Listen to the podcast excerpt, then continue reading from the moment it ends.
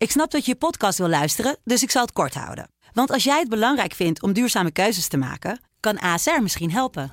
Nou hoor ik je denken, hoe dan? Nou, bijvoorbeeld bij het duurzaam herstellen van schade. Of de premies die we beleggen volgens ons duurzaam beleggingsbeleid. Dat bepaalt waar we wel en juist niet in investeren. Wil je meer weten over welke duurzame keuzes ASR maakt? Ga dan naar asr.nl slash duurzame keuzes. ASR doet het. Zo, dan kan je nu lekker naar je podcast luisteren. Dit is De Rechtse Directe.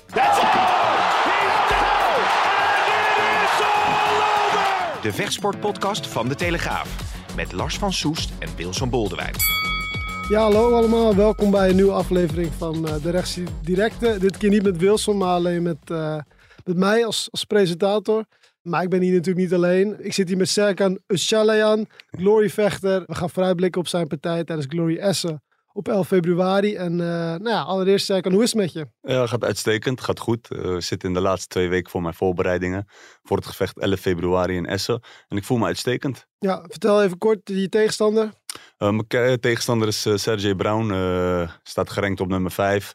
Een goede, sterke jongen. Dus ik verwacht een knalpartij. Ja, ja, nou allereerst even over, over jou. Een introductie voor de mensen die jij nog niet kennen. Ik heb het hier allemaal op een rijtje staan. Dus ik ga het even netjes langslopen. Ja. Je bent 28 jaar. Geboren en getogen in Den Haag. Gaan we het zo ook over hebben. Je vecht onder Turkse vlag. Uh, je achtergrond is Turks. Je hebt in 2021 getekend bij Glory. Nou, vertel zelf maar even kort. Wat, wat gebeurde er toen in de eerste partij? Uh, was, uh, mijn debuut die was echt niet normaal. Het was in, de, in het Gelderdoom. first round, first minute, knockout. het was geweldig binnenkomen ja, in de Glory. Ik heb die partij nog even terug zitten kijken. Je schreeuwde het ook uit. Hè? Ik schreeuwde het ja. uit. Ik voelde me echt Spartan. ja, ja, toen, was het, toen was de carrière echt begonnen, laat toen ik het zo zeggen. Toen was het echt begonnen. Nou, je bent goed onderweg, want je hebt drie van je vier partijen gewonnen. Mm -hmm. uh, ja, de, me de, mensen noemen je ook wel slaappil of sleeping pills sleeping in het Engels. Pills, ja. Je hebt net al uitgelegd dat komt, komt, die... komt gewoon door die zware knockouts. Uh, ik laat ze slapen in de ring. En Ja. uh, het is naar buiten gekomen, slaappillen. En ik vind het wel leuk. Ja, ja bijnaam. Ja, ik heb slechtere gehoord. ja, je bent ook zwaargewicht geweest en allerlei dingen waar we het straks ook over gaan hebben hoor. Je bent de neef van een vechtsportlegend, Gökhan Saki. Gökhan Saki. Gaan we het ook over hebben. En uh, nou, zoals we al zeiden, je gaat op 11 februari weer de ringen. Je bent momenteel de nummer 2 in het uh, middengewicht. En uh, ja... Je Soon hebt, the champ. Soon the champ, ja. Donovan Wiss is nu de kampioen. Daar gaan we het ook zo over hebben. Ja, we hebben het al kort over gehad, maar kun je jezelf als vechter eens typeren voor de, de luisteraars die jij nog niet in actie hebben gezien? Die mij nog niet in actie hebben gezien. Ja, ik ben, uh, ik ben een vechter die altijd komt voor de knockout. Ik kom uh, voor, het, voor een spektakel. En ik kom om, de, om de kijkers de waarde van hun geld te laten, laten zien. Weet je? Mensen die betalen voor een spectaculaire partij. En dat is ook waar ik voor kom. Een spectaculaire pot neerzetten. Mensen knock-out slaan. En weer wegwezen. Duidelijk, zou Glory ja. ook blij mee zijn. Ja. Oké, okay, we gaan door naar de leverstoot. De leverstoot. Je kan vertellen alles wat je wil over Mhm. mm -hmm. wat er op je lever, uh, over wat je op je lever hebt. Vertel. Nou, uh, voor mij is soms wel een gevoelig onderwerp. Alleen, uh, ik, ik, ik wil toegeven dat in Turkije het kickboksen nog niet echt heel goed is uitgebreid. En ik zou wel willen dat er meer waardering zou komen voor, voor de vechtsport in Turkije. Dat ze zich er wat meer gaan, mee gaan bezighouden. En dat er dat er meer wordt gekeken naar de vechters in het buitenland. Kijk, buiten dat ik uh, Turkije overal represent en uh, vecht voor de Turkse vlag, heb ik toch het gevoel dat er soms niet genoeg wordt omgekeken naar vechters in het buitenland. Dus ik zou wel willen dat de Turkse regering of de Turkse vechtsportliefhebbers zich wat meer gaan bezighouden met het kickboksen dan met het voetbal. Want als ze winnen met voetbal, dan gaat iedereen toeteren. Mm. Maar als ik er eentje knock-out sla, dan hoor ik niemand toeteren. Nee. Dus ik zou graag willen dat Turkije zich iets, iets meer ermee mee gaat bezighouden. Ja. En dat zit op mijn lever. Ja, ja, duidelijk, duidelijk. Is het niet het geval van, ja, je bent in Nederland geboren, dus ja, mm -hmm. dan is er minder aandacht. Werkt dat zo? Ja, buiten dat ik ook uh, natuurlijk de Nederlandse regering dankbaar ben uh, voor alles. Uh, ja, ik ben hier geboren en getogen. Mm -hmm. Ik heb hier de kans gekregen om me bezig te houden met het kickboksen. alles is altijd gesponsord geweest. Ehm, wil ik toch wel vechten voor de Turkse vlag. En uh, je wilt er altijd wel wat voor terug hebben. Kijk, mm. of geen uh, mega geldbedragen ervoor terug te hebben. Nee, alleen gewoon een telefoontje van ja. Serkan. Dankjewel dat je dit doet voor ons. Mm. Dat heb ik helaas gemist. En uh, dat, dat zou ik wel willen. Misschien eerst kampioen worden. Misschien wel, ja. Wie weet wat er dan gebeurt. Ja, kijk, je, je snijdt wel een, nou niet gevoelig punt aan, maar een interessant onderwerp, denk ik. Want als ik ook kijk naar de mainstream media, zoals die mm -hmm. vaak worden genoemd. komen, ja, in Essen vecht eigenlijk bijna niemand met een Nederlands vlaggetje achter zijn naam. Nee, klopt. Dat is voor, voor, voor een Telegraaf, maar ook voor andere kranten en andere media misschien ook wel iets van... Ah, er vecht geen Nederlander. eh, dus dan kijken we er niet minder naar. aandacht. Ja. Heb jij nooit overwogen om, om voor- onder Nederlandse vlag te vechten? Eh, omdat het misschien ja, toch jouw populariteit hier kan Ja, zeker weten wel. Zeker weten wel. Buiten dat ik ook natuurlijk een trots Turk ben, is, Mhm. eh, is de Nederlandse vlag altijd wel een aan, aanmerking gekomen. Alleen ons als vechters wordt altijd wel gezegd, ehm, vecht liever voor je moeder en vaderland. Want als iedereen voor de Nederlandse ga- vlag gaat vechten, Ja. hebben we geen diversiteit meer. Want de beste vechters komen uit Nederland. Ja. Dan is het alleen maar Nederland tegen Nederland. Maar nu heb je wel heel vaak eigenlijk dat er geen, geen Nederlander op de kaart staat. Terwijl er eigenlijk alleen maar Nederlanders Alleen maar vechten, Nederlanders vechten, inderdaad. Ja. dat is denk ik wel wat de organisatie ook een beetje wil. Dan heb je toch wel een beetje tegenstrijd. En eh, dat is wat ze denk ik willen opwekken. Anders eh, vechten we allemaal voor de Nederlandse vlag. Nou ja, advies van mij, eh, misschien moeten we het een beetje husselen. Dat er af en toe wat meer Nederlanders op de Meer kaart Nederlanders staan. op de kaart staan. wij zijn een Nederlandse krant, dan kunnen wij er ook weer meer aandacht aan besteden misschien. Ja, toch? Kun je uitleggen hoe je bent gaan vechten? Want je had eerst eigenlijk een andere passie, heb ik begrepen. Ja, hè? ik wil heel graag voetballer worden, profvoetballer worden. Ik heb altijd wel eh, eh, prof willen worden in wat ik heb gedaan. Eh, dus voetballen, helaas was ik wel wat zwaarder toen. Dus, en ik begon als linksbuiten. Ik kwam toen terecht in de, in de verdediging. En ik eindigde in de goal, want ik, ik kon gewoon niet rennen. Ik niet rennen, ik kwam niet vooruit. En ehm, dat is hem niet geworden. Eh, ik sloeg er toen eentje neer op het veld volgens mij. Hoe ging dat precies dan? Eh, ik speelde de keeper voorbij. ja. En eh, toen wou ik in een leeg, goal, leeg goal schieten. En ik werd getrokken van achteren. Dus ik stond op en ik gaf gelijk een map. Ja, natuurlijk weg wegens discipline. Een rode kaart. Ja, een rode kaart weggestuurd wegens discipline. Alleen eh, ging een heel nieuwe carrière voor me open. Ja, was dat het moment dat je dacht van eh, misschien moet ik een Misschien moet ik toch wat meer, gaan doen met mijn handen dan met mijn benen. dus toen ben ik eh, terechtgekomen in het kickboksen. Ja. Natuurlijk ook door Gökhan Saki. Mhm. Die volgde ik toen al. Zo gezegd, zo gedaan. Negen maanden later stond ik in de ring en won ik mijn eerste wedstrijd op knockout. Hoe oud was je toen? Ik was toen 14. Zo. Ja.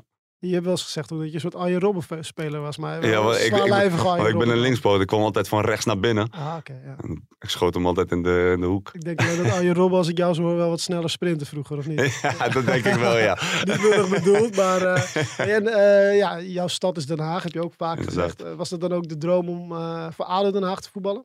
Zeker weten voor ADO Den Haag. Eh, het is natuurlijk een stad eh, waar ik ben opgegroeid. Ik ben een echte Hagenees. Ik ga sinds jongs af aan naar wedstrijden van ADO Den Haag. Dus Ja. eh, het was altijd de droom voor ADO te spelen. Er komen ook volgens mij veel eh ADO-fans bij jou kijken vaak. Hè? Ik kan me herinneren in Zeker. Hasselt, eh, die dachten dat het zo eh, gruwelijk misging in België. Ja, inderdaad. Dat, eh, dat toen alles nog rustig was. Er waren heel Eh, veel jongens meegekomen uit Den Haag. Eh, Ja. Zeker weten ook eh, ADO-fans. Maar die zijn op dat moment gewoon Serkan hooligans. En Ja. eh, die steunen mij. En komt verder helemaal geen voetbal bij kijken. Die zijn echt gefocust op mij en die komen mij steunen die dag. Ja, is het eh, niet lastig dat ze dan dat soort dingen schreeuwen? Zeker na die avond, dat Glory dat misschien eh, gevoelig, eh, gevoelig vindt? Ja, misschien wel. Ik denk niet dat dat naar Glory toegericht was. Want ik hoorde ze alleen maar schreeuwen. Er is maar één Haagse Turk. En dat is Serkan. dus Ja. dat is het enige wat ik heb gehoord. En ik denk dat het niet bij de ADO-hooligans, niet bij de jongens van mij misging. Maar helaas bij de Poolse jongens. die avond de wedstrijd Bodarari tegen Arik Wrosek. Ja. Hoe heb jij die avond, eh, even kort hoor, hoe heb jij die avond beleefd? Want het was Voor natuurlijk mij was het een wel geweldige avond. Ik heb eh, gevochten tegen de nummer 1 toen, uh, Ertuğrul Bayrak. Eh, die wedstrijd heb ik eh, gewonnen. Ik heb hem in de eerste ronde heb ik hem acht tellen gegeven. En eh, het was een eh, geweldige avond voor mij. Dus eh, niks mis. En die rellen, heb je daar nog die, heb je die meegemaakt? Ik, ik kwam de zaal binnen en het, eh, het was al bezig. Dus ik heb er niet heel veel van meegekregen. Ik ben eh, gelijk de zaal eh, heb ik verlaten. Het was wel zonde eigenlijk, hè, dat die avond ook jouw overwinning dus werd overschaduwd. Ja, natuurlijk. dat, Zeker weten. Ik heb niet eens kunnen genieten van mijn overwinning. Ik heb Nee. eh, hier en daar eh, een paar foto's gemaakt. Maar ik weet dat er wel meer in zat die avond. En ik vind het zeker jammer dat er niet eh, meer van is gekomen. Ja.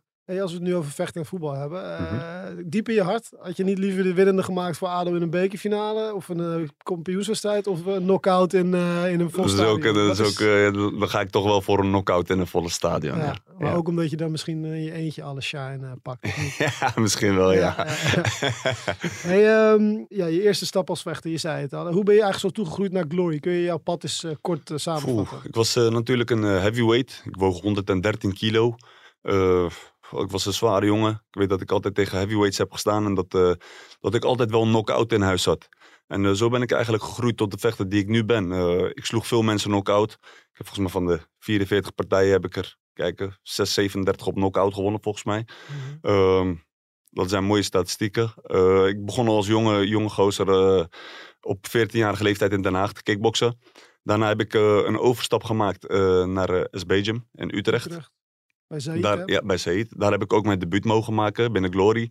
En eh, vervolgens eh, ben ik naar Magazine gegaan in Amsterdam. En dit is nu voor mij wel echt het eindstation. Eh, ik hou er sowieso niet van om heel veel te switchen van sportscholen. Alleen ik weet dat Mike het beste bij mij past. En zijn technieken die liggen zeker goed bij mij. Het is ook een knock-out trainer en ik ben een knock-out vechter. Dus eh, 1 plus 1 is 2. Ja, ja. Waarom, waarom die overstap van Said naar Mike's Gym? Dat was natuurlijk na je, laatste, ja, je, Ja. je, je nederlaag bij Ja, bij eh, veel mensen die dachten altijd, eh, die denken nu nog steeds misschien eh, dat het door de nederlaag komt. Nou, dat is zeker weten niet zo. Het is gewoon een keuze van mijzelf geweest. Omdat ik Mike al veel langer ken. Ik ken Mike al eerder als Seed. En ik, heb Via Geukan. Ja. Ja, ik heb altijd al bij Mike willen trainen. En eh, het is er nu van gekomen. En buiten dat mijn eh, management, eh, Ali Vardi, heel mijn team eigenlijk, iedereen die mij steunt en support daar zit, vond ik het eigenlijk wel goed om naar Mike te gaan. Omdat ik weet dat hij de knockout die ik in de handen heb, eh, kan perfectioneren. Ja, en laten we ook even over je band met, eh met Geukan hebben. Hè? Ja. Want jij zegt ook net eigenlijk, ik ben een beetje door hem gaan kickboksen. Ja, ik Kun je volg hem, hoe die eh, band is? Ik volg hem al sinds uh, kleins af aan. Als eh, jonge kind volg ik hem al. Toen ik nog voetbalde, ging hij wel naar wedstrijden in de Margriethal in eh, Schiedam. Toen hij nog in eh, gymzalen vocht. Dat was, eh, was echt gruwelijk. Hij eh, sloeg mensen ook echt zwaar knock-out. En ik heb altijd al eh, willen vechten. Eh, ik ging toch eh, het, het voetballen ging ik een beetje proberen. Dat werd niks. En toen zei hij tegen mij, luister, ik denk dat jij beter kan kickboksen. En eh, zo gezegd, zo gedaan. En eh, daar is het eigenlijk begonnen. Kun je jullie band eens omschrijven? Je zegt ik volg hem, maar ja, jullie zijn Mhm. familie. Ja, Eh, tuurlijk, het is een neef van me. buiten de ring. Buiten de ring, we hebben heel veel contact. Hij steunt en support me met elke stap die ik neem. En eh, eigenlijk heeft hij mij altijd al een beetje wegwijs gemaakt in het kickboksen. En ik luister heel veel naar hem, nu nog steeds. Weet je, het is toch een man met een gruwelijke ervaring. Ja. Die de hele wereld is rondgereisd. die, die heel, veel, eh, heel veel ervaring heeft binnen en buiten de ring in het kickboksen. Dus ik volg zeker zijn eh, stappen. En ik luister nu nog steeds heel veel naar hem. Ja, even voor de goede orde. eh Geukan heeft gevochten bij de K1. Kampioen geweest bij Glory in the Light Heavyweight Division.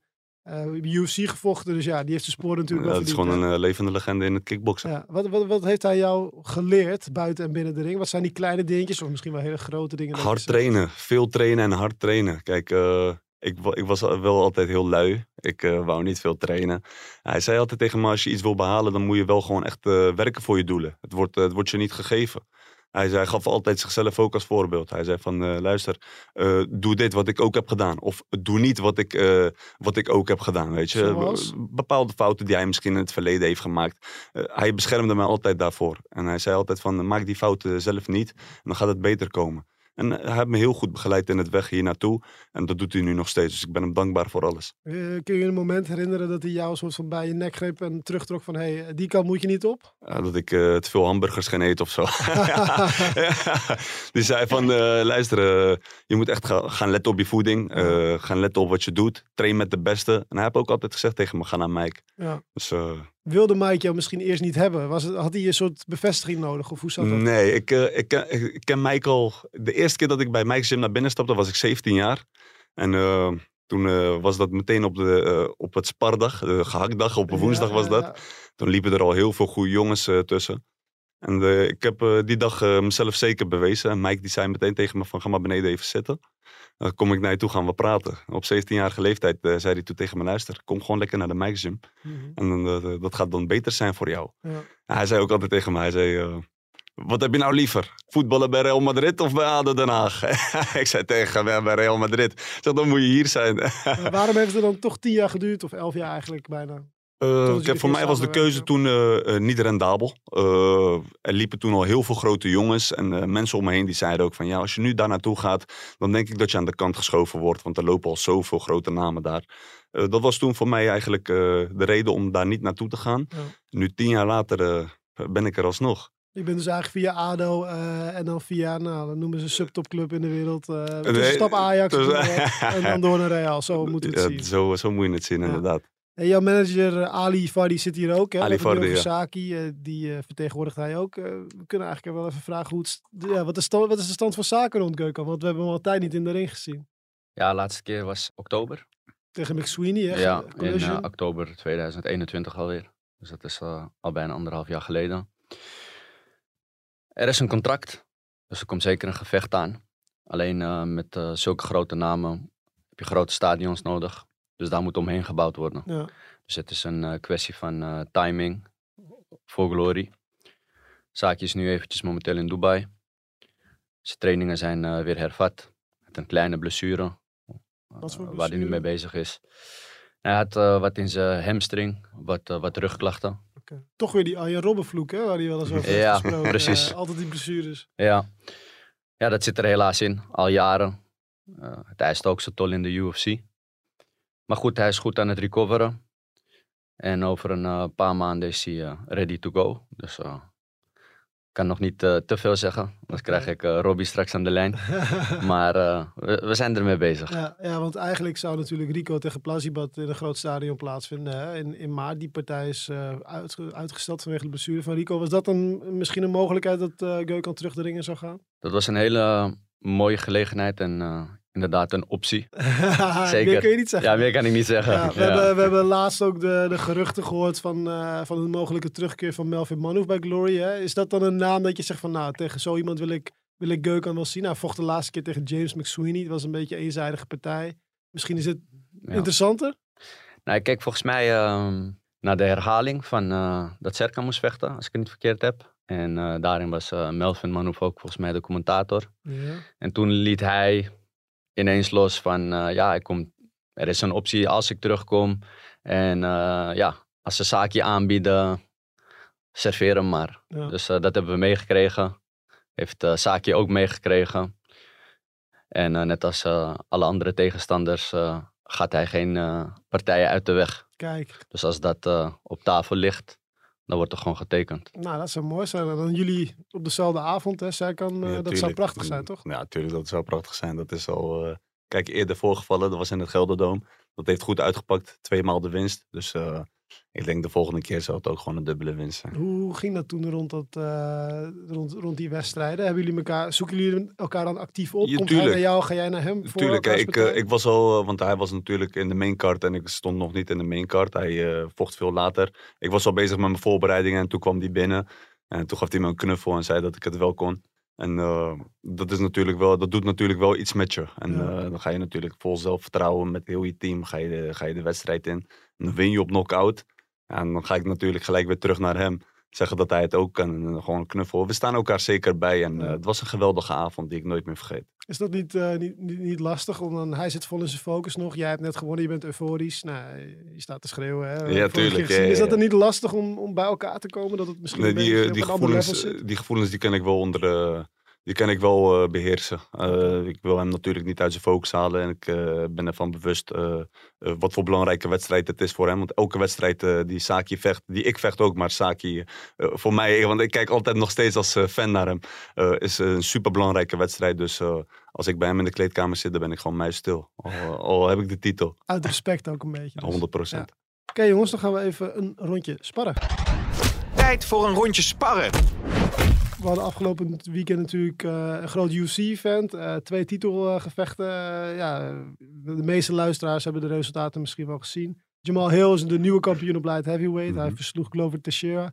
Een man van 43, hè, maar hoe, hoe knap was hij Ja, man. bezig. Hè? Ongelooflijk. Hij is eh, echt een hele sterke man. eh, voorbeeld voor veel eh, jongens die de sport binnenkomen en al die al bezig zijn met, met het sport eigenlijk. Ik never give up. Ik denk dat het wel bij hem gegraveerd mag worden. Die man is al 43 en hij blijft nog steeds vechten. En respect voor zijn tegenstander. Want het is een jongen die komt van de contender series Ja. eh, van Dana White. En eh, hij heeft het zo ver geschopt. En volgens mij binnen twee, drie jaar is hij nu de light heavyweight kampioen. Ja, ja, en, ja, die, ja, het is bijna lullig om te zeggen, maar Jam- Jamal heel, heel goed gedaan. Maar Mhm. even over Glover Teixeira. Ja, dat is toch ongelooflijk dat je op die leeftijd zie, nog vecht. Zie je dat zelf voor je ik bij heb, jou? eh, ik, ja, ik, ik weet dat het een verslaving is en dat het moeilijk is om te stoppen. Alleen, eh, kijk, op een gegeven moment moet je natuurlijk wel een keuze maken. Er is ook een, eh, een leven buiten het vechten, buiten de ring. Alleen, eh, kijk, zo'n man als Teixeira, die zet de, let, legt de lat weer heel hoog. Voor mijzelf ook, want als ik hem zie vechten op die leeftijd, denk ik van, oké, weet je, ik ga ook nooit meer stoppen en ik ga gewoon door. En ik heb echt zwaar respect voor hem, voor wat hij heeft neergezet en voor wat hij heeft gedaan. En Ja. betekent voor de sport. Hij gaat nu wel met pensioen, heeft hij aangekondigd. Hij gaat Alex Lijkt me verstandig. Ja, lijkt me beter. Als je zijn gezicht ook zag. Ja. hij, het wordt toch, hij is nog onwijs goed, vooral op de grond. Maar hij zei ook van ja, het tempo van de jonge gast is gewoon te hoog voor mij. Maar hij gaat nu dus Alex Pereira meer begeleiden. De, Mhm. de middengewichtkampioen Ja. van de UFC. Hoe kijk jij naar hem? Want hij is natuurlijk eigenlijk de, de oude kampioen. Hij is de oude Glory kampioen, jouw eh, gewichtsklasse. Ja, toen hij eigenlijk eh, Glory verliet, eh, was er eigenlijk plek voor mij, ruimte voor mij vrijgekomen.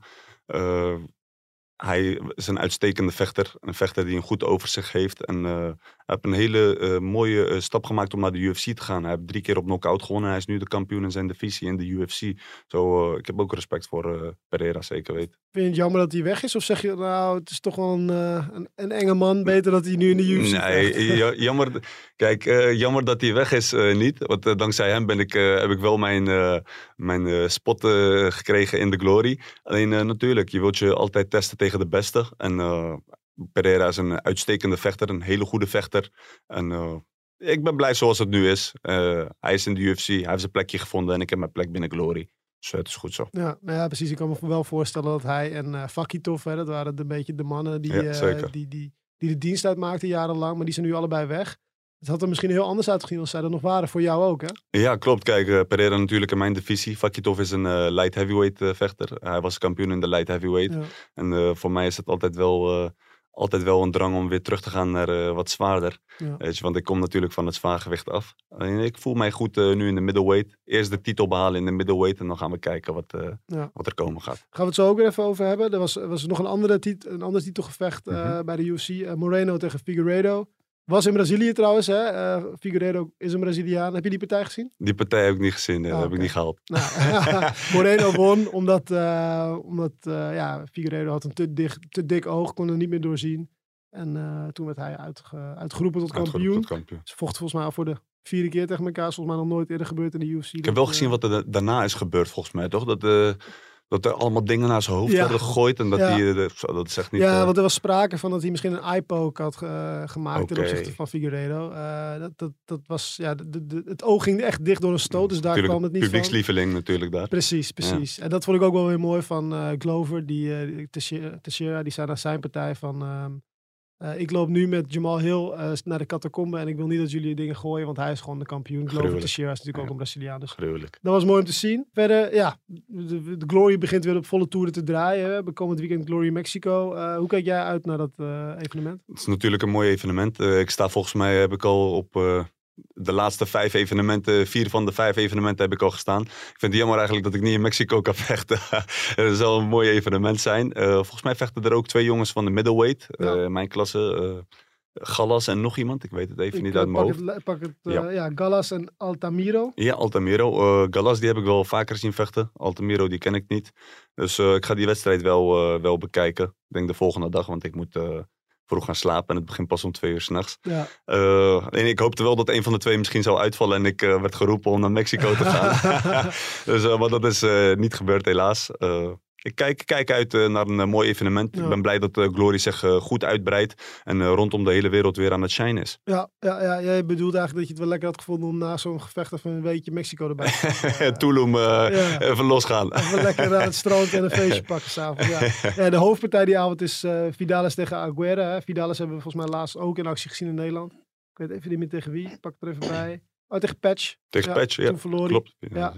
Eh, dan zijn we eigenlijk meteen bij het volgende nieuwtje wat we gaan bespreken. Want eh, Glory Rotterdam is van de week aangekondigd. En eh, nou, ik kan bestaat hij tegen Patch. bestaat hij tegen Patch. Ja. Wat, wat, wat vind jij daarvan? Twee kampioenen tegen elkaar? Twee kampioenen tegen elkaar, dat is natuurlijk wat het publiek altijd wil zien. Die willen het beste van het beste zien. En ik denk dat je nu wel twee jongens hebt die echt op hoog niveau meedraaien. Al lang meedraaien.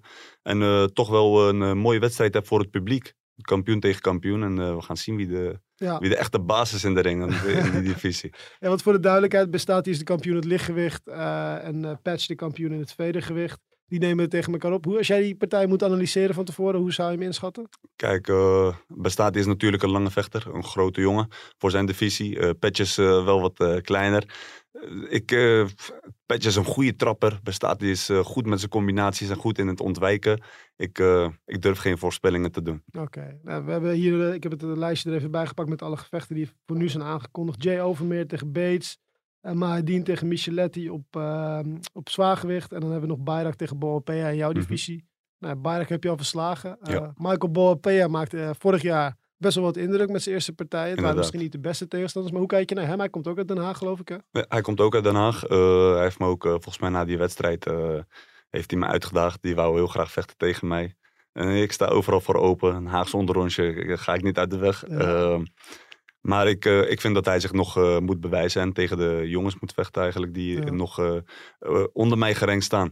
En misschien later, als hij zich goed heeft bewezen en goed uit de bocht is gekomen, kunnen we altijd kijken voor een partij. Ik laat dat gedeelte altijd aan mijn management over. Ik ga niemand uit de weg en komen met de partij. Ik zeg ja en ik sta daar. Ja, ja want volgens mij Boopea verloor van jou. Volgende tegenstander, hè? Van Sergej Brown. Ja, Ja, dus ik heb, ik heb wat recht te zetten voor daarna. Voor Haag. Ja, mooi, mooi, mooi. Zou, ja, we gaan er niet vanuit, hè? Je zit er niet eh, tegenover me, Mhm. dus hoe durf ik het te zeggen? Maar stel je verliest, ja, dan is het misschien wel weer een aantrekkelijke partij tegen Partij om Michael tegen. Michael Boop. Tuurlijk, eh, kijk, dat hou ik altijd in mijn achterhoofd. Dat is winnen en verliezen.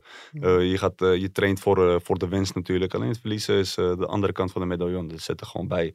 En ik heb eh, laatst, eh, voordat ik mijn eh, laatste partij heb gevochten, heb ik ook een wedstrijd verloren in het Gelderdoom. Ja. Ik kan er heel lang mee zitten. Alleen ik heb de volgende dag heb ik het meteen uit mijn ge- geheugen gewist. Ik heb Glory meteen, Glory heeft mij meteen benaderd voor een volgende partij. En vier weken later stond ik weer in de ring. En heb ik mijn wedstrijd gewonnen op TKO. Ja. Dus je moet er niet te lang in blijven hangen. En gewoon, gewoon ervoor gaan. Ja, maar ben jij zo'n trotse Hagenees dat je zegt, eh, ja, dat, dat wil ik wel een keer doen, gewoon om even die, eh, om duidelijk te maken wie de koning van Den Haag is, soort van? Nee, ik heb liever dat we gewoon eh, allebei onze handen omhoog eisen en samen de zaal uitlopen als twee grote winnaars. Kijk, dit is en blijft een vechtsport. Als hij mij wegkomt, dan zal ik hem uit de weg ruimen. Ja, duidelijk. Hey, ehm, nog even afsluitend het rondje sparren. Conor McGregor komt weer terug als het goed is. Zijn coach John Kavanagh heeft gezegd van ja, ik durf er wel geld op te zetten dat hij in 2023 weer gaat vechten. Eh, nou, jij kent Conor McGregor. Iedereen kent Conor McGregor. Wat, wat, wat, hoe moet hij terugkomen tegen wie? En, eh, Ja, het is natuurlijk een spectaculaire vechter, een hele goede vechter. Ook een levende legende. En ik denk dat eh manager Ali Fardi eh, meer over Conor kan zeggen, want die kent hem ook goed. Eh, hoe, ze, hoe, hoe kijk jij daarnaar ja, ik ben wel benieuwd nu. Ja. eh. Ja, nou, eh, toen ik natuurlijk in de UFC-instituut zat, eh, hebben we eigenlijk eh, heel veel eh, met Geukan. Ja, met Ja. Geukan hebben we alles en iedereen meegekregen. Manier van trainen, wat ze doen. Van eh, Francis. We zijn ook close met, ja, Ngannou. We zijn ook close met natuurlijk Khabib en zijn- en zijn team. Ik ben heel goed met uh, Conor zijn management, Audi Attar. En die, die verbleef ook op een gegeven moment daar. Die was toen volgens mij aan het revalideren voor... ze had iets met zijn enkel volgens mij een tijdje. Audi. Eh, nee, Conor. Oh, Conor. Ja, ja. Ja. nee, hij had zijn voet gebroken natuurlijk. Hè? Of zijn scheenbeen, wat was het? Ja, en op een gegeven moment was dat een beetje over. Was volgens mij weer een beetje doorheen gegaan. Dus hij was ook een beetje aan het revalideren daar. Ik denk het belangrijkste met mensen die er lang uit zijn geweest, is gewoon ringroest. Ja. Dat is het hem gewoon. En ehm, als je niet genoeg gaat sparren, eh, je kan trainen wat je wil. En als je niet serieuze mensen hebt die serieuze schade durven aan te brengen tijdens het eh, sparren. Dan bedoel ik niet schade dat ze, Ja. dat ze je beschadigen. Maar, dat het wel echt even eh, sparren is. Ja, want, want het is heel makkelijk om ja-knikkers eh, te hebben. Ehm, Dat zie je ook vaak. Hè, dat zie je vaak. Dat, dat, is ook bij Saki het geval geweest. Serkan was ook mee eh, naar eh, Stockholm. Toen eh Saki in de UFC vocht. Ja. En dan zie je gewoon dat heel veel mensen die, die Saki nog nooit mee hebben gemaakt. En dan daar meemaken in de gym. Toch een soort van eh, respect hebben. En dan ga je je of inhouden. Of ze houden zich niet in. En dan krijgen ze een patch terug. Ja. En dan schrikt het zich weer af. Nou, wat er dan gebeurt is dat je in de ring staat. En de eerste echte klap vang je op. En dan raakt je lichaam toch wel even in shock. Van Ja. hé, hey, wat is dit? En ik denk eh, als Conor eh, zijn voorbereidingen goed doet en het weer even opbouwt. Dat hij eh, heel gauw weer aan de top kan staan. Ja. Want hij heeft die capaciteit, hij heeft die kwaliteiten. Tuurlijk, hij heeft er een tijdje buiten het vechten om een beetje een zootje van gemaakt. Maar zo- deze week ook weer in het nieuws dat hij zo iemand op zijn eigen jacht tijdens een feestje een vrouw zou hebben geslagen. Die vrouw zou dan weer via in het water zijn gesprongen en op die manier zijn gevlucht. Ja, het is een beetje. Ja, eh, Het is een beetje een eh, rollercoaster. Maar als ik gewoon puur kijk naar zijn kwaliteiten als vechter en in de ring, waartoe hij, in capa- eh, waartoe hij capabel is, dan heeft hij zeker alles in huis. Ja. De timing, de precisie. Alleen, ja, wat hebben de afgelopen jaren, wat eist Sotol nu? Ja. Heeft het Sotol geëist hoe die heeft geleefd? Jij bent Ja. niet aan het. Dit is geen geintje, want jij kan heel goed acteren ook. Eh, Nee, nee. nee Wij ja. acteren niet. Nee, we acteren niet, nee. Voor de duidelijkheid, Ali heeft ook een rol in goede tijden, slechte tijden. Ja. Voor de mensen die het niet weten. Dus ik ben benieuwd. Ja. Hebben jullie een tegenstander dat je zegt, tegen hem wil ik hem zien? Nou, ik denk eh, het kaliber van eh Saron, waar hij eerst tegen was gegaan. Ja, ja. Ik denk dat hij zo'n kaliber eh, vechter eh, moet hebben. Gewoon als Iemand die eerste, toch wel. ja, ja, iemand die toch wel kan knokken en een klap kan hebben.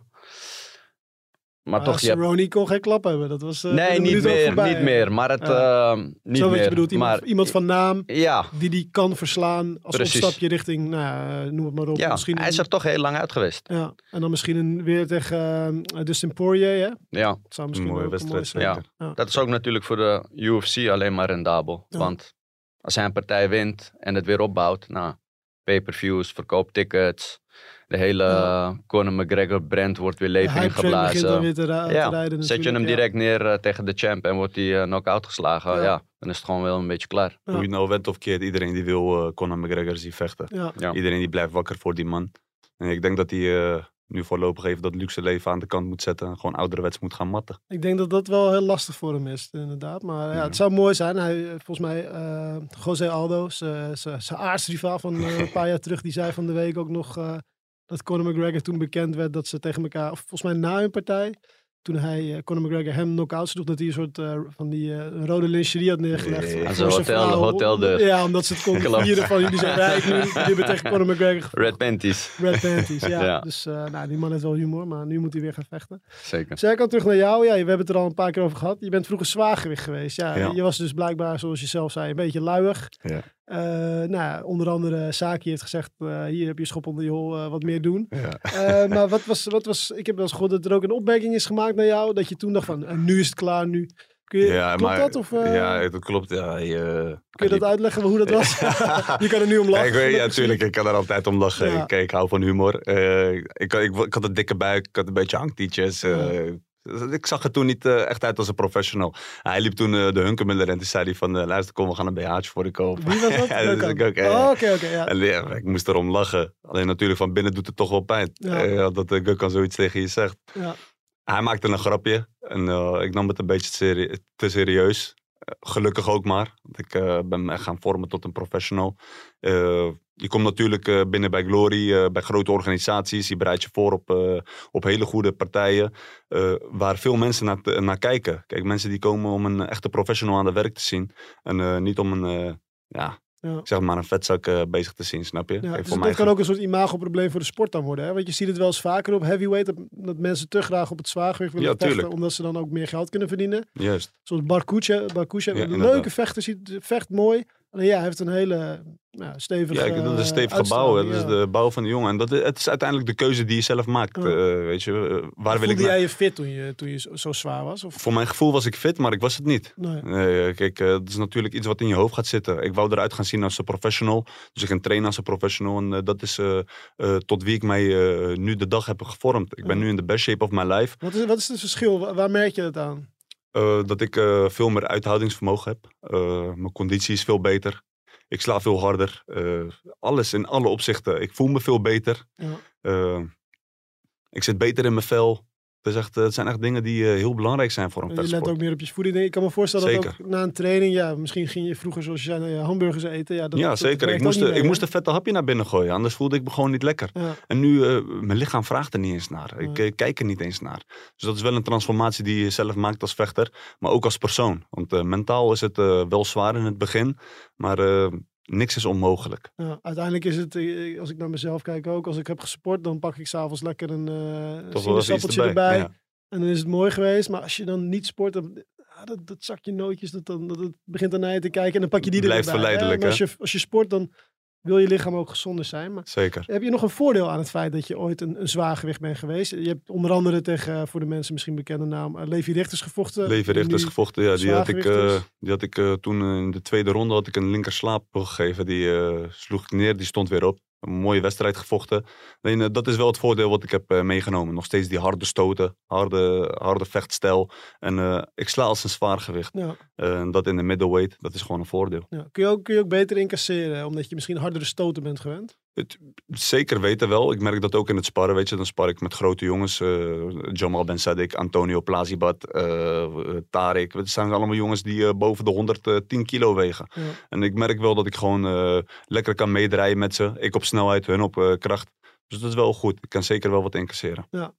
Hey, laten we ook nu eh, ja, voorzichtig gaan vooruitblikken richting eh, je partij. Eventjes ja, over Brown. We hadden het al Mhm. over eh, zijn partij tegen Michael Boapé. Ja, toen was hij duidelijk een maatje te groot. Die partij heb je ongetwijfeld teruggekeken. Wat, wat, wat voor vechter is hij? Ik, ik, ik ben het er niet mee eens dat die een maatje te groot was. Ik heb die partij goed teruggekeken. Ik vond dat Michael de eerste en de tweede ronde goed, een goed pak slagen van Brown. Ja. In eh, de conditie van eh, Michael, die eh, liet hem in de steek. En in de derde ronde kwam Sergey Brown heel sterk terug. En dat is denk ik wel het moment geweest dat hij in de derde ronde en in heel de wedstrijd een maatje te groot was voor hem. Ja. Want eh, Toen, toen scoorde hij die toen, knockdown, scoorde, eh. ja, toen scoorde hij een knockdown en heeft hij die wedstrijd naar zich toe getrokken. Dus het is zeker weten een doorzetter. En ik, ik weet ook dat elk vechter die nu tegenover mij staat, eh, weet wat mijn eh, kwaliteiten zijn. En die weet wat, eh, waar het gevaar ligt. Dus daar train ik ook op. En ik verwacht een hele, hele harde wedstrijd. Ja, want als je kijkt naar zijn kwaliteiten ten, op- ten opzichte van die van jou, waar, ja, je gaat natuurlijk niet, niet altijd Ik kan niet veel informatie geven. Nee, precies. Maar wat, wat- waar liggen de kansen? De kansen liggen gewoon in het druk zetten. En in, eh, ook, ook wel weer in het afstand houden. Ik ben toch wel wat langer als hem. Ik kan mijn reach goed gebruiken. En als ik naar binnen sluip, dan ben ik echt de sluipmoordenaar. Dan komt die linker slapen en dan ga je slapen. hey, eh, ja, je laatste partij was tegen Yuri de Sousa. Dat was Ja. eh, dominant optreden. Hè? Mhm. Eh, ook interessant omdat de Sousa tegen de kampioen, Tegen de kampioen heel goed deed. En ja, hij bleef staan tot en met het einde van de vijfde ronde. Nou, jij sloeg hem, sloeg hem meerdere keren neer. Hè? Ja. Eh, maar die partij daarvoor, je hebt je toen goed hersteld. Want die partij daarvoor ging wat minder. Hoe, hoe kijk je terug op die partij? Eh, die partij eh, in de Gelderdoom tegen Almeida, dat was, was eigenlijk een donkere bladzijde eigenlijk, in mijn carrière tot nu toe in Glory. Ik, ik was er die dag niet echt bij. Ik was... ik voelde, die dag had ik het gewoon niet. En het is heel raar wat ik nu zeg, maar soms is het er gewoon niet en dan komt het er gewoon niet uit. Dat was die dag zeker het geval. Maar ik ben goed hersteld. Ik heb die we- wedstrijd verloren, maar de, de volgende dag heb ik het gelijk losgelaten. Heb ik vier weken later een partij aangenomen tegen Yuri de Souza. Ja. Omdat ik iedereen wou laten zien wie de echte Serkan is. En eh, dat ik niet die jongen ben die ze die dag in het Gelderdoom hebben zien vechten. Ja. En eh, eh, gelukkig heb ik dat goed gedaan. In overleg met mijn management en met mijn trainer hebben we een goed gameplan aangepakt. En ehm, hebben we Yuri de Souza elke ronde neergeslagen. Hoe, hoe zuur is die nederlaag? Want ja, als je van Almeida had gewonnen, dan had je, had je in Essen had je tegenover tegen eh, Donovan gestaan. Donovan voor gestaan voor de voor de titel. Ja. Natuurlijk is de, elk nederlaag is zuur. Eh, alleen het is maar eh, net zo zuur als dat je het zelf maakt. Eh, Ja. Kijk, eh, je- zoals ik al zei, eh, je kan er heel lang mee zitten, maar ik heb het gewoon losgelaten.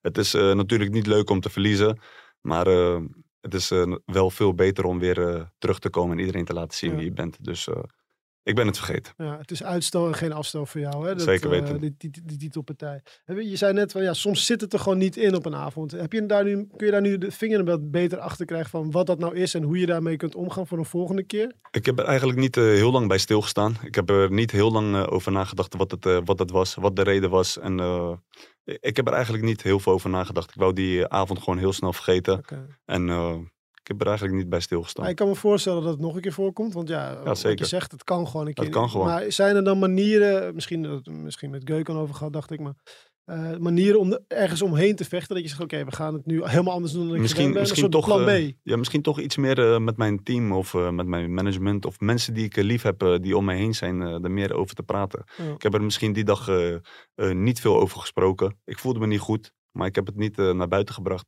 Omdat ik elke keer dacht van, weet je, niemand moet weten dat het niet goed is met mij. Maar speelde er iets op dat moment dan? Ja, er speelde niet echt iets, misschien in mijn hoofd, ik weet niet. Ik zat gewoon niet goed in mijn vel. Het is vaak een opeenstapeling. Het is nooit eh, niet echt één ding. Nee. Vaak is- het een opeenstapeling wat zich de afgelopen acht weken in een trainingskamp. Iets wat zich heeft plaatsgevonden. Of eh, iets in je privésfeer. Ja. Of een mix van Maar factoren. Wat, eh, wat, wat, wat zijn die dingetjes dan, Serkan, die, die er eventueel tot, ja, op, bij elkaar opgeteld tot zo'n tot zo'n minder optreden hebben kunnen leiden? Ja, ik denk, eh, als ik van buitenaf eh, zou bekijken, denk ik, eh, volgens mij was het dezelfde gala waar Badr ook natuurlijk vocht. Ja. Dus ik, eh, ik weet dat er uh, uh, rond Badr waren er heel veel wijzigingen, ook in de gym. Uh, tijden van trainen, uh, dan traint die, dan traint die. Dus je omdat Badr bij Mike's gym trainen, moesten anderen Nee, Badr trainde bij Said. Oh, oh, sorry, ja, natuurlijk Utrecht toen. Ja. ja. dus dan heb je natuurlijk in één keer een uh, ritmewijziging. Een paar andere factoren die, die, die misschien in de sportschool uh, een, een, factor hebben. Ik, uh, je kan niet iemand de schuld geven, ja. maar het zijn kleine dingetjes die als, als je ze bij elkaar optelt, dat je denkt, oké, eerst ging het zo en zo en zo. En nu loopt het toch net iets anders. Ja. Nou ja, soms heb je dan ander inbreng, andere uitkomst. Ja, maar dat is, daar, daarom moeten we ook, eh, in, in dat licht moeten we ook de overstap zien naar Mike. Dat er dus toch dat de dingen niet helemaal op zijn plek vielen voor jou in Utrecht bij, eh bij Said. Misschien, misschien wel. Eh, misschien wel. Ik, eh, ik, heb, eh, ik heb zelf ook gewoon goed gesproken met Said. En we zijn gewoon goed uit elkaar gegaan. Ja. En ik, eh, voor mij was het gewoon eh, een verstandige keus. Een gezonde keus voor mijzelf om naar Mike te gaan. En eh, dat heb ik eh, gedaan. In een goed overleg met Said natuurlijk. Want ik Ja. eh, ga niet met ruzie uit elkaar. Dat doe ik niet. Zo ben ik gewoon niet. En dan, eh, ja, 11 februari Essen. eh, we zeiden het net al. Donovan Wisse vecht tegen Almeida voor de titel. Jij vecht tegen Brown. Co-main event? Of dan, ja? Nee, het is geen co-main event. De- twee, twee partijen daarna nog, ja. Wat is voor jou het ideale scenario? Zelf winnen natuurlijk, maar eh, op wat manier? dezelfde avond vechten voor de titel weer. Maar wie, wie, wie moet dat titelgevecht winnen? Heb je een voorkeur ook? Ik heb, ik heb me daar vaak over eh, uitgelaten. Kijk, eh, als, de, als de publiek de grote winnaar is, dan wint Donovan Wisse die eh, partij. En dan wordt het Serkan tegen Donovan Wisse. Maar voor mijzelf eh, heb ik liever dat Almeida die wedstrijd wint. Eh, voor mij, ik heb verloren van Almeida. Ik wil mijn rematch. En ik wil vechten voor de titel. Dus Ja. hoe mooier kan het nog zijn? Winnen, je rematch winnen en nog eens de titel meenemen naar Den Haag. Ja, ja, ja. Je, je, je, hebt- Donovan zelf ook vaker uitgedaagd. Hè? Je zegt ook, publiek is dan de grote winnaar. Is er iets persoonlijks tussen jullie dat je zegt... Voor mij is het puur zakelijk. Puur Ja. zakelijk. Ik wil de beste zijn. Ik wil mijn centen verdienen. Ik wil gewoon de kampioen zijn in deze divisie. En dat is waar het om draait. Het gaat gewoon om die belt. En eh, het is niks persoonlijks. Duidelijk. Hey, eh, over een jaartje, eh, hoe, loop jij er dan bij? Heb je dan een rondje gelopen met een kampioensbelt in het stadion van ADO... dat inmiddels gepromoveerd is Het- naar de Eredivisie? Of hoe zie jij dat voor je? Want dat is wel je droom geloof Het ik, mag hè? niet eens een jaar duren. het mag niet eens een jaar duren. Nog eh, korter dan een jaar hoop ik die belt om mijn middel te hebben. Ja. Dan loop ik een rondje. Ja, want dat, dat heb je volgens mij wel eens gezegd. Hè? Dat, dat lijkt jou het ultieme. Hè? Ja, zeker weten. Tuurlijk. Een ereronde in je eigen stad. En waarschijnlijk word je dan ook weer toegezongen. Want veel ADO-supporters zijn dus ook fan van, eh, van jou. Van, van mij en kickboksen natuurlijk. Ja, dus ik hoop dan toegezongen te worden met, de met de riem in mijn handen. Ja. Nou, eerst 11 februari natuurlijk winnen en dan, eh, dan kunnen we verder Tuurlijk. kijken. Eh, laten we afsluiten met de knockout. De knockout.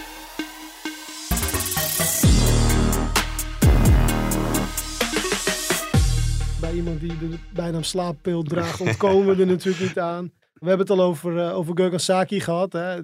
Ik ben heel benieuwd, hypothetisch gesteld. Stel, uh, uh, Gökhan is zijn toptijd, Serkan is zijn beste, is zijn beste vorm. Eh, iemand, Glory, wie dan ook, biedt heel veel geld. Jullie stappen met elkaar de ring in. Wat voor partij krijgen de mensen dan te zien en wie wint er? Ik denk dat Gökhan dan een combinatie eruit gooit die ik niet kan blokkeren. Ik, eh, het is een levende legende. Ik kijk op naar hem. En Gökhan is gewoon een, een optimale topvechter. Is het, gewoon. het is echt een hele goede vechter. Gevaarlijke combinaties. En dat Gökhan, Gökhan mij zwaarder uitslaat. Nou, ja, dat durf je wel toe te geven. Ik ben altijd eerlijk. Ik durf dat toe te geven. Gökhan is een, is een vechter van een ander kaliber. En het is niet makkelijk om tegenover hem te staan. Ik ga voor de winst van Nasaki. Heel eerlijk, heel eerlijk. Nou, hartstikke bedankt voor je komst en voor je eerlijkheid dus. We gaan je in de gaten houden, 11 februari Essen. En eh, nou, dan eh, zien we wat er gaat gebeuren de komende jaar of, of korter dus. Bedankt voor je komst. Dankjewel. Zeker.